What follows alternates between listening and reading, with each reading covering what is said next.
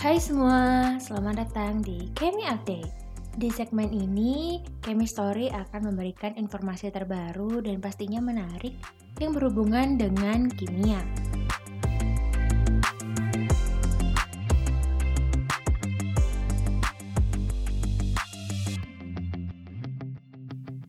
Berita pertama datang dari pemenang Nobel Kimia tahun ini, di episode sebelumnya, kita tahu kalau penghargaan Nobel Kimia 2020 dimenangkan oleh Jennifer Doudna dan Emmanuel Charpentier dengan penemuan mereka CRISPR-Cas9. Kali ini kita sama-sama bahas lebih dalam tentang penemuan ini ya. CRISPR-Cas9 adalah sebuah gunting genetik yang mampu memotong DNA di mana pun yang diinginkan. Sekarang, kita dapat dengan mudah mengedit atau mengatur genom sesuai yang dibutuhkan. Sesuatu yang sebelumnya sangat susah atau bahkan impossible untuk dilakukan. Gunting DNA ini baru ditemukan sekitar 8 tahun lalu, tapi udah memberikan manfaat yang sangat besar pada umat manusia loh. Penemuan ini juga memberikan harapan buat kemungkinan penyembuhan penyakit yang diturunkan secara genetik di masa depan. Ternyata nih, konsep gunting genetik ini udah digunakan oleh bakteri dan archaea selama jutaan sampai miliaran tahun untuk melawan virus. Setiap kali bakteri bertemu dengan virus, mereka akan mengambil gambar atau istilahnya mugshot DNA virus tersebut, kemudian menempatkannya di antara pengulangan DNA itu. Terus nih di lain waktu, ketika bakteri bertemu dengan virus yang sama, Bakteri tersebut akan membuat salinan RNA dari mugshot DNA virus yang sudah diperoleh. Salinan RNA tersebut kemudian disatukan dengan RNA yang diketahui sebagai transaktivasi CRISPR-RNA atau tracer RNA. Fungsi dari tracer RNA ini adalah buat membentuk sebuah RNA pemandu. RNA pemandu ini mengarahkan enzim pemotong DNA yang disebut Cas9 ke virus, di mana enzim tersebut akan melakukan pemotongan DNA virus dan melemahkan bahaya virus tersebut. Doudna dan Charpentier, penemu CRISPR-Cas9, bertemu di sebuah konferensi pada 2011. Lalu mereka bekerja sama buat mempelajari sistem perlindungan diri bakteri yang kemudian mereka jadikan sebuah pengubah atau pengatur ulang gen. Inovasi mereka berfungsi untuk memadukan mugshot RNA ke tracer RNA, membentuk sebuah RNA pemandu tunggal. Kedua peneliti ini menyadari kalau mugshots nggak selalu harus sebuah gambar molekul virus, melainkan dengan mengganti mugshots dengan RNA yang sesuai dengan sebuah gen para ilmuwan dapat mengarahkan Cas9 untuk mengambil gen tersebut atau gen apa pun yang dibutuhkan. Penemuan gunting genetik ini memberikan pengaruh yang sangat besar terhadap kelangsungan hidup manusia. Meskipun begitu, etika dan hukum juga penting buat diperhatiin, sehingga bisa nentuin nih apa yang bisa dilakukan dengan alat tersebut. Karena beberapa pengubahan gen manusia bisa menjadi sangat kontroversial jika dilakukan. Sejauh ini hanya ada lima orang perempuan yang menerima hadiah Nobel Kimia. Dalam sebuah news conference, Charpentier mengatakan, Aku berharap penemuan ini akan memberikan pesan positif, terutama untuk perempuan-perempuan muda yang ingin menekuni bidang sains. Dan aku pikir dengan menunjukkan pada mereka bahwa perempuan yang bekerja di bidang sains juga bisa dianugerahi hadiah Nobel. Tapi yang lebih penting lagi, bahwa perempuan di bidang sains juga bisa memberikan impact melalui riset yang mereka lakukan. Nah, selanjutnya kita akan bahas tentang emisi karbon dioksida nih. Sementara COVID-19 terus mengancam kesehatan penduduk dunia, pada paruh pertama 2020 terjadi penurunan emisi karbon dioksida yang belum pernah terjadi sebelumnya. Penurunan ini lebih besar dari krisis ekonomi 2008, krisis minyak pada 1979, bahkan melebihi Perang Dunia II loh. Sebuah kelompok peneliti internasional menemukan bahwa pada enam bulan pertama tahun ini terjadi penurunan emisi karbon sebanyak 8,8 persen dibandingkan tahun 2019. Total penurunannya sebesar 1.551 juta ton. Ketua kelompok peneliti ini, Zhu Liu, dari Tsinghua University Beijing, mengatakan kalau pada bulan April, ketika banyak negara melakukan penutupan aktivitas publik dan ekonomi, terjadi penurunan emisi karbon dioksida sebanyak 16,9 persen.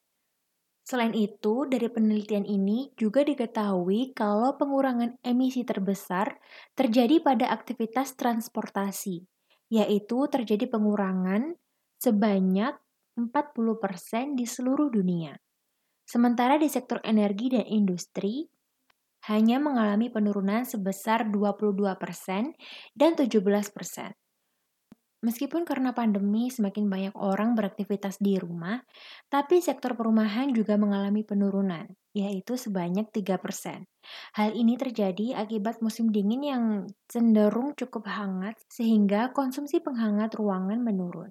Kemudian pada bulan Juli, terjadi pelonjakan kembali emisi gas karbon dioksida karena aktivitas di berbagai sektor udah mulai kembali seperti semula. Sayangnya, Meskipun penurunan emisi karbon dioksida ini sangat drastis, tapi penurunan ini nggak akan memberikan efek yang signifikan pada penurunan karbon dioksida untuk jangka panjang. Para peneliti merekomendasikan untuk melakukan perubahan terstruktur pada produksi energi dan sistem konsumsi kita. Pengurangan aktivitas manusia bukanlah kunci buat menurunkan emisi karbon dioksida dalam jangka panjang. Begitu. Hmm, ya juga ya. Mungkin kita Mungkin kita bisa melakukan langkah kecil buat mengurangi emisi karbon dioksida dari kehidupan sehari-hari kita. Oh iya, berita selanjutnya masih berhubungan dengan limbah nih, tapi kali ini tentang plastik atau lebih tepatnya mikroplastik, alias plastik dengan ukuran sangat-sangat kecil. Dalam sebuah penelitian, Diketahui kalau botol susu bayi berbahan plastik dapat melepaskan hingga 16 juta mikroplastik setiap kali digunakan. Hal ini terjadi karena botol-botol tersebut secara rutin terekspos dengan air panas dan pengocokan yang kuat ketika orang tua bayi membuat susu formula untuk bayinya. Kondisi tersebut bisa mengelupas partikel pada permukaan botol susu yang terbuat dari plastik atau lebih tepatnya polipropilen. Lee Wenxiao, seorang peneliti di Trinity College Dublin, mengungkapkan bahwa sebenarnya tidak mengejutkan ketika kita menemukan mikroplastik yang terkelupas dalam botol susu bayi. Tapi jumlah yang ditemukan cukup mengejutkan. Para peneliti di Trinity College Dublin memperkirakan Paparan harian pada bayi hingga 12 bulan sebanyak 14.600 hingga 4,5 juta mikroplastik per hari. Xiao menyatakan bahwa mikroplastik dapat ditemukan di berbagai benda lain, misalnya botol air minum. Tapi tingkat yang dilaporkan hanya ribuan per hari. Dia khawatir kalau para bayi bisa menelan mikroplastik dalam jumlah jauh lebih besar dari orang dewasa. Kelompok peneliti tersebut meneliti 10 botol susu bayi berbeda yang berbahan polipropilen. Botol jenis ini biasanya dibersihkan hingga 100 derajat Celcius sesuai dengan anjuran WHO. Untuk satu produk, jumlah mikroplastik meningkat dari sekitar 1 juta ke 55 juta partikel per liter.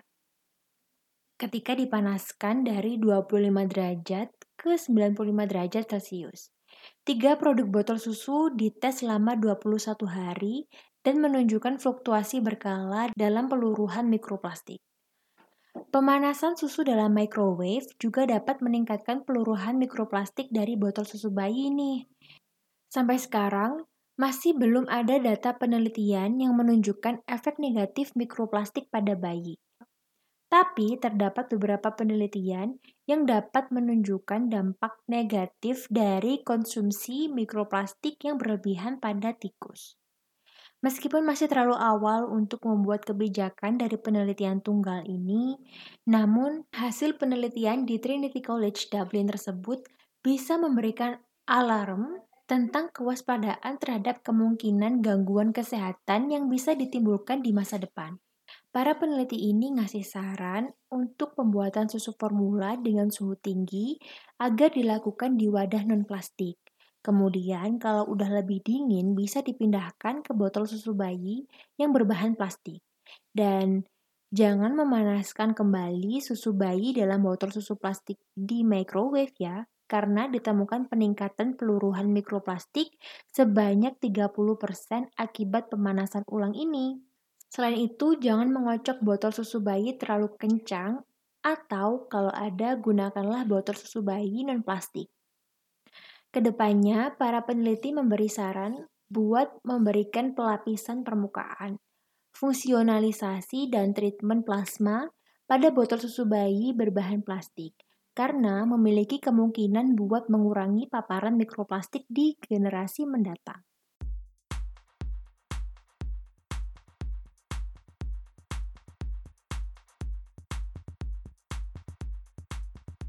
Nah, segitu dulu ya berita-berita dari Chemistry. Terima kasih sudah mendengarkan sampai sejauh ini. Sampai jumpa di episode selanjutnya. Bye!